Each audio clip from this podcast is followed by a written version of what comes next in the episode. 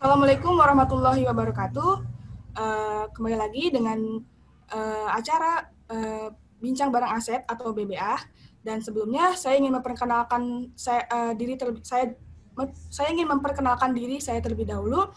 Uh, saya Nabila Salihah dan di sini saya sebagai announcer. Uh, di sini uh, kita kedatangan tiga tamu yang super ya, yang hebat. Uh, boleh diperkenalkan terlebih dahulu, dimulai dari uh, Iskandar Yusuf, boleh? Assalamualaikum warahmatullahi wabarakatuh. Waalaikumsalam warahmatullahi wabarakatuh. Waalaikumsalam warahmatullahi wabarakatuh. nama saya Iskandar Yusuf dari kelas 2B Kewirausahaan. Di sini saya uh, atas nama usaha saya sendiri, bisnis saya sendiri, bisnis keluarga, yaitu Warung Bunda Isa.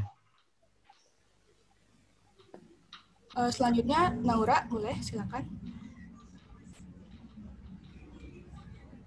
Assalamualaikum warahmatullahi wabarakatuh. Perkenalkan nama saya Nura Nafisa Saada, mahasiswa uh, dari Prodi Kewirausahaan kelas 2B. Uh, eh, sekarang kegiatan saya selain berkuliah sedang merintis usaha uh, usaha sendiri ya yaitu yang bernama Halcyon. Halcyon. Jadi produk yang saya tawarkan itu Bapak Lumer. Terima kasih. Baik, selanjutnya dari Firman Syahroni, silakan.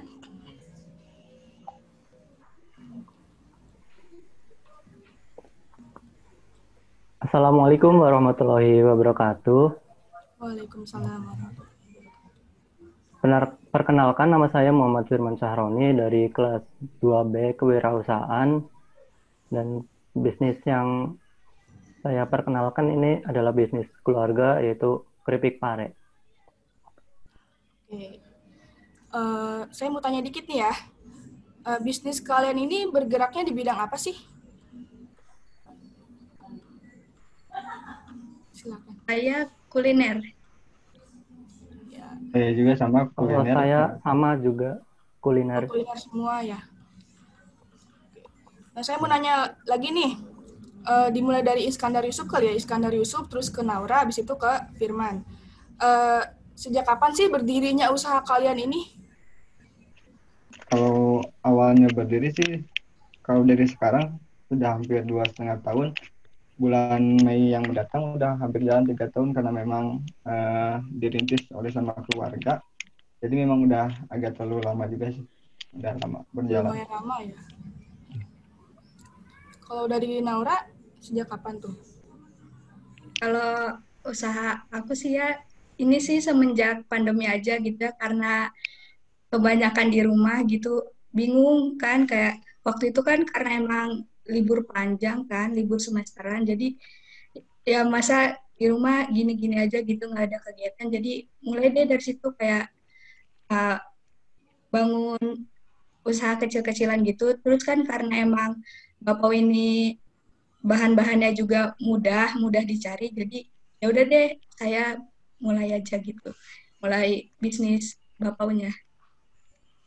Uh, kalau boleh tahu dimulai dari kapan tuh berdirinya bisnis yang Naura jalanin itu? Um, bulannya ya?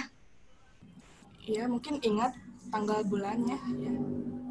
Kalau bulannya bulan Juli. Juli. Kalau dari Firman?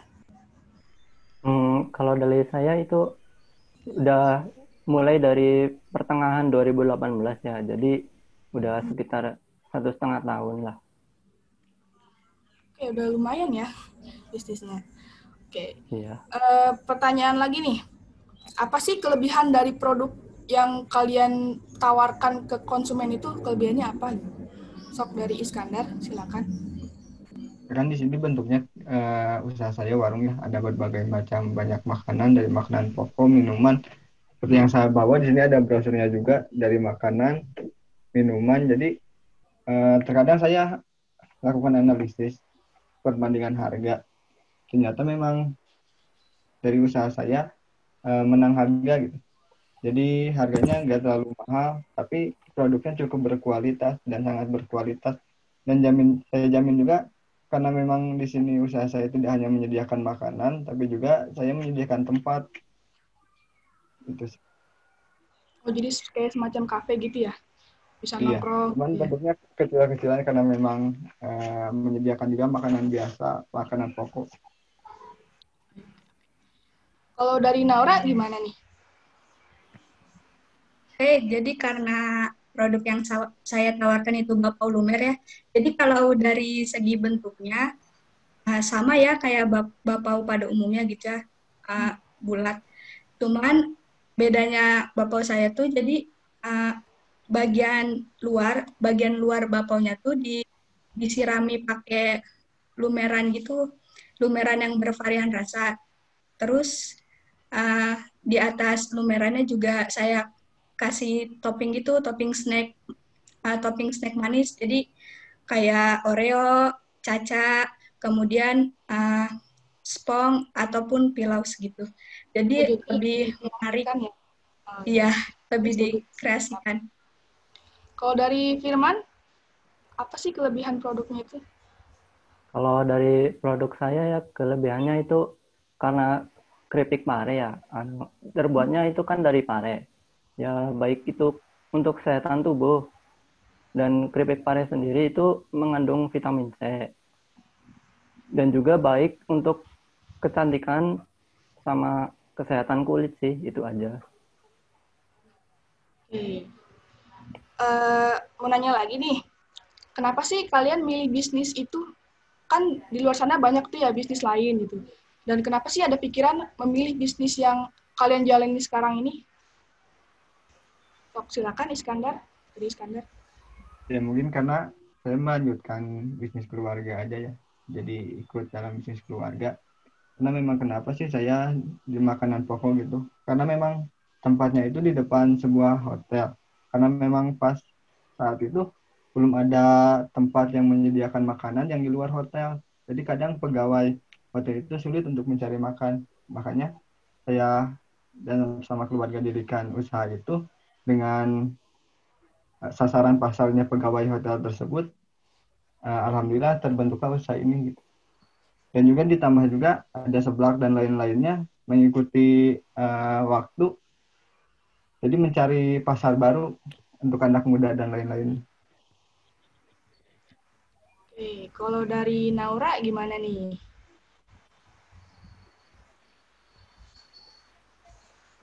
Karena kalau menurut saya, kalau kuliner tuh uh, bahan bakunya mudah didapat, kemudian proses pembuatannya juga lebih mudah. Oke, kalau dari Firman, Kalau menurut saya itu bisnis kuliner itu mudah dilakukan ya dan juga menantang. Karena kita perlu tahu sih apa yang diinginin diinginkan oleh para pelanggan dan lidah apa yang sesuai seperti rasa sama kualitas itu aja sih. ya betul ya, kalau bisnis kuliner tuh harus mengedepankan rasa gitu ya, biar eh, konsumennya merasa puas kan. Terus eh, pertanyaan lagi nih, kenapa kalian lebih memilih bisnis sendiri dibandingkan bisnis berpartner atau berkelompok? Eh, Iskandar bisa duluan. Kalau memang bisnis sendiri bukan sih ya karena memang bisnis keluarga yang dijalin sama keluarga. Tapi memang belum ada partner dari luar juga masih sama keluarga. Eh, pegawainya pun belum dari luar masih dari saudara-saudara gitu aja sih. Belum ada dari luar. Jadi masih internal keluarga aja ya? Iya. Nah, kalau dari Naura, kenapa sih milih, lebih milih bi- berbisnis sendiri gitu? Jadi sebenarnya kalau dari diri saya sendiri, saya lebih suka berpartner ya. Karena lebih mudah gitu untuk pembagian uh, tugasnya gitu, untuk bagian per bidang-bidangnya. Jadi uh, sebenarnya ini tuh uh, usaha ini tuh memang sudah direncanakan dari semester lalu. Jadi sebenarnya pengen dibuka gitu ya di, di Tasik. Jadi sambil kuliah gitu kan, tapi ternyata pandemi ini tuh terus berlanjut gitu. Jadi kan uh, belajar online-nya juga berlanjut gitu kan. Nah, jadi uh, yang tadinya tuh rencananya tuh uh, semester baru, jadi semester tiga awal tuh memulai kan, memulai jualan di Tasik itu. Tapi ternyata lama banget gitu kan pandeminya. Uh, kuliahnya masih online aja gitu. Jadi ya udah deh, terus saya bilang nih ke, ke teman saya ini yang yang masih satu apa satu kelas juga kan sama saya saya bilang ke dia kalau uh, gimana kalau saya jualan dulu di di daerah rumah jadi supaya biar lihat dulu nih respon pasar itu seperti apa gitu kan uh, kalau respon pasarnya baik ya berarti kita bisa lanjut uh, jualan di Tasik gitu kan.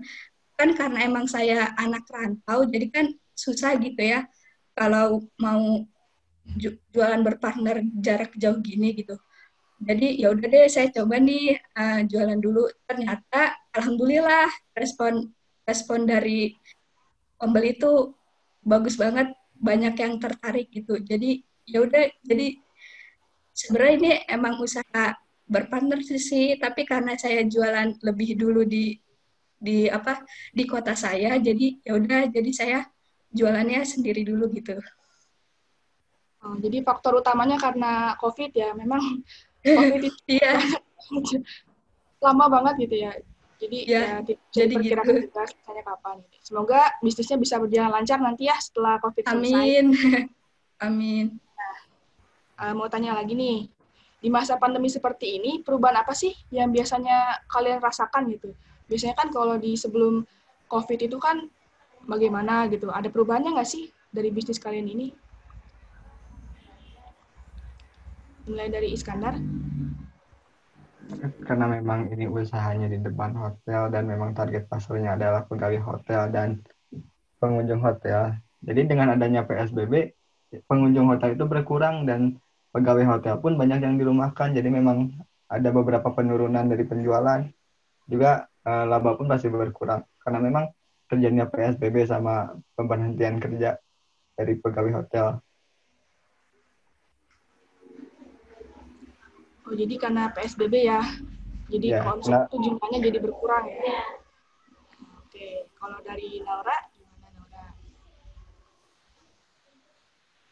Kalau dari usaha saya sendiri sih saya rasa uh, tidak ada perubahannya karena saya sendiri uh, baru mulai usaha ini tuh di saat pandemi seperti ini. Jadi kalau untuk perbandingan uh, perubahan antara sebelum pandemi dan se setelah pandemi itu seperti apa uh, saya uh, saya saya tidak tidak merasakan gitu karena ya saya sendiri memulainya di saat pandemi seperti itu.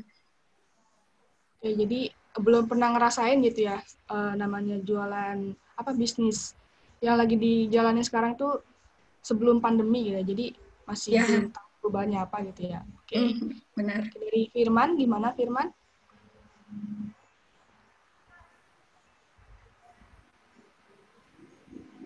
Kalau dari bisnis keluarga saya sih ada ya, ya pelanggan sama konsumen itu menurun, bahkan sepi pelanggan.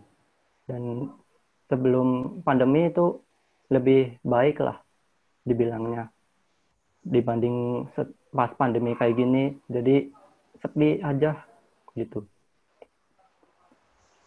sepi ya jadi pendapatan juga berkurang ya iya uh, nanya lagi boleh ya. Uh, apa sih strategi pemasaran yang kalian lakukan di masa pandemi seperti ini? Uh, dari Iskandar, boleh silakan. Ya karena memang yang tadi ya karena PSBB terjadinya penurunan penjualan dari uh, target pasar yang utama. Tapi karena memang target pasar yang utama itu lebih condong ke produk uh, makanan pokok, makanan nasi paketan tapi di sini juga di usaha saya ada seblak dan lain-lainnya, minuman dan lain-lainnya. Jadi saya mendorong produk itu untuk dapat dikonsumsi oleh masyarakat sekitar, bukan hanya dari pegawai hotel atau tamu hotel, eh, dari teman-teman memperkenalkan ke teman-teman. Jadi lebih mendorong produk yang baru ini untuk dapat dikenal luas. Oke. Jadi melalui online juga nggak tuh? ya kadang uh, lewat WA disebar uh, jenis-jenis produknya, uh, harga-harga produknya. Jadi lewat online IG juga ada. Cuman lebih sering pakai WA. Iya, emang lagi pandemi kayak gini online tuh lebih diutamain ya. lebih ya, gampang. Ya, kalau dari Naura sendiri gimana tuh Naura? Apa sih yang dirasain? Uh, strateginya itu kayak gimana? Kalau untuk strategi pemasaran di usaha saya, jadi kalau untuk promosi, saya menggunakan Instagram, WhatsApp, dan juga dari mulut ke mulut gitu ya. Jadi kan karena saya jualnya di rumah, jadi ya biasa gitu ya tetangga kayak ngasih tahu kalau kalau saya tuh uh, jual bapak ulumer gitu. Jadi ya masih masih ada yang dari mulut ke mulut gitu. Kemudian untuk pemesanannya kan karena bapak ulumer saya ada dua jenis, ada dua jenis produk. Jadi yang pertama tuh ada bapak ulumer frozen, dan ada juga lumer yang frozen. Jadi bedanya tuh kalau non frozen tuh biasanya untuk pemesanan di di sekitar uh, daerah rumah saya aja gitu. Tapi kalau untuk uh, Bapak lumer frozen itu bisa untuk ke luar kota kan saya uh, domisili saya di Bekasi nih. Jadi kalaupun memang ada teman-teman yang tertarik untuk uh, mencoba bapau saya yang dari luar Bekasi bisa untuk pesan bapau frozennya. Jadi kalau untuk bapau non frozen uh, untuk pemesanannya biasanya via Instagram dan WhatsApp. Kemudian kalau untuk bapau frozennya biasanya bisa dipesan via Shopee seperti itu. Oh, mantap ya udah sampai Shopee ya. Bisa dikirim keluar kota gitu ya. Iya. Yeah. Nah, untuk juga gampang ya. Jadi tinggal ambil aja mungkin COD ya. Iya, ya seperti itu. Kalau dari Firman nih, kalau Firman gimana sih strategi pemasarannya? Ya, kalau dari keluarga sendiri sih tidak banyak sih melakukan banyak strategi gitu. Cuman iklan di all shop gitu, WA, Instagram, dan sedikit memberi diskon gitu. Jadi agar pelanggan tertarik gitu, semisal beri satu gratis satu gitu. Jadi biar tertarik aja.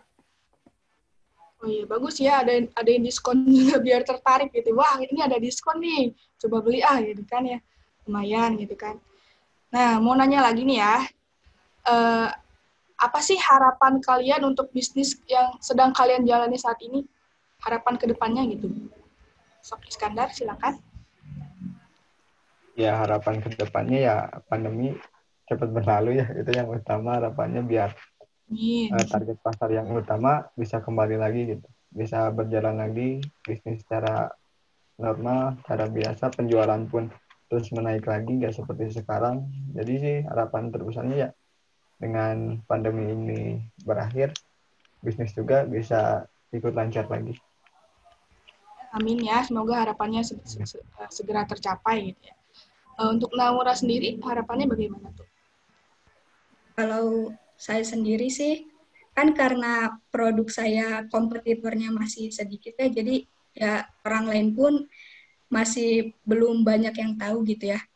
Jadi uh, harapan saya sih semakin luas jangkauan pasarnya dan produknya pun dapat diterima oleh masyarakat dalam jangka juga kan biasanya uh, kalau yang aneh-aneh nih kalau yang aneh-aneh yang viral gitu kan biasanya tuh uh, apa ya jangkauannya luas tapi kan uh, diterima oleh masyarakat itu bisa jangkanya pendek nih nah. semisal kayak apa ya oh kayak es kepal Milo. Jadi kan itu karena waktu itu lagi uh, viral gitu ya. Mm -mm, jadi jangkauan pasarnya pun jadi jangkauan jangkauan pasarnya pun jadi luas uh, produknya juga dapat diterima oleh masyarakat nih tapi sayangnya itu uh, dalam jangka waktunya tuh nggak panjang, jadi hanya uh, beberapa bulan saja, hanya se hanya sementara gitu. Nah, jadi harapan saya untuk produk saya yaitu jadi semakin luas jangkauan pasarnya dan produknya dapat diterima oleh masyarakat dalam jangka panjang. seperti itu. Amin ya, semoga harapannya bisa segera tercapai ya. Amin. Firman gimana? Firman harapannya nih.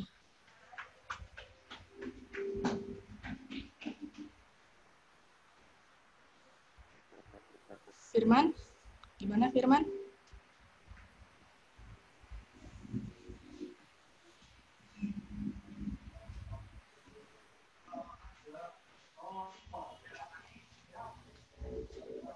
Firman?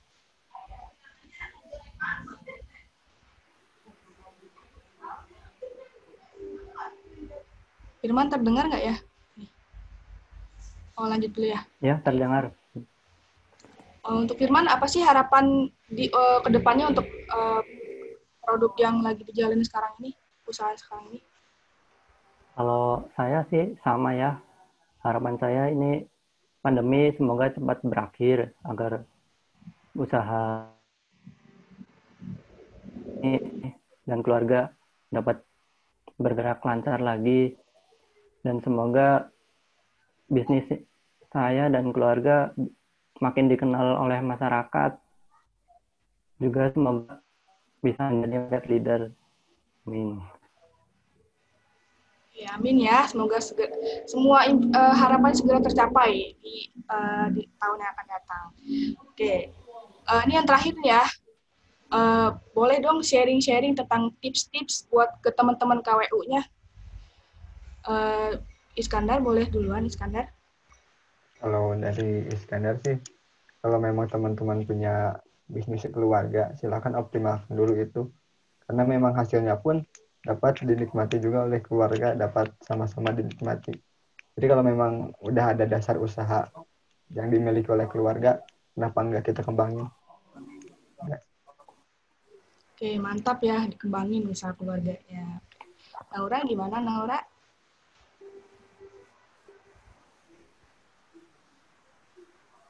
Jadi jika teman-teman sudah berniat ingin memulai bisnis, maka bulatkan tekadnya, kemudian uh, mantapkan mentalnya, karena jika terus dipikirkan, jadi jika terus dipikir, dipikirkan sulitnya dan takut jatuhnya, maka terjun ke dunia usaha pun tidak akan terrealisasikan sampai kapan pun itu. Nah, dan saat sudah terjun ke dunia bisnis, nikmati dan syukuri prosesnya, karena itu menjadi salah satu rangkaian jalan menuju gerbang kesuksesan. Cahaya kebahagiaan kemudian cahaya kebahagiaan menanti di sana. Jadi semangat Bapak itu. Eh, kemudian jika kamu lelah, tengok ke belakang sudah seberapa jauh kamu melangkah. Kemudian juga di saat kamu lelah tuh kamu harus ingat gitu orang-orang yang kamu sayangi dan yang menyayangi kamu dan jangan lupa juga lihat ke atas ya ya karena ya karena kamu punya Tuhan gitu yang selalu membantu kamu seperti itu. Wah, mantap banget ya Naura ya. mantap banget emang uh, hebat hebat keren keren. Oke, dari Firman gimana Firman? Ada tipsnya nggak nih?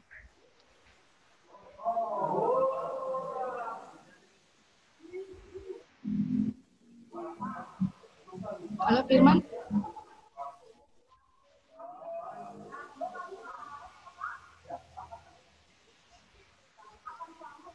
Halo Firman.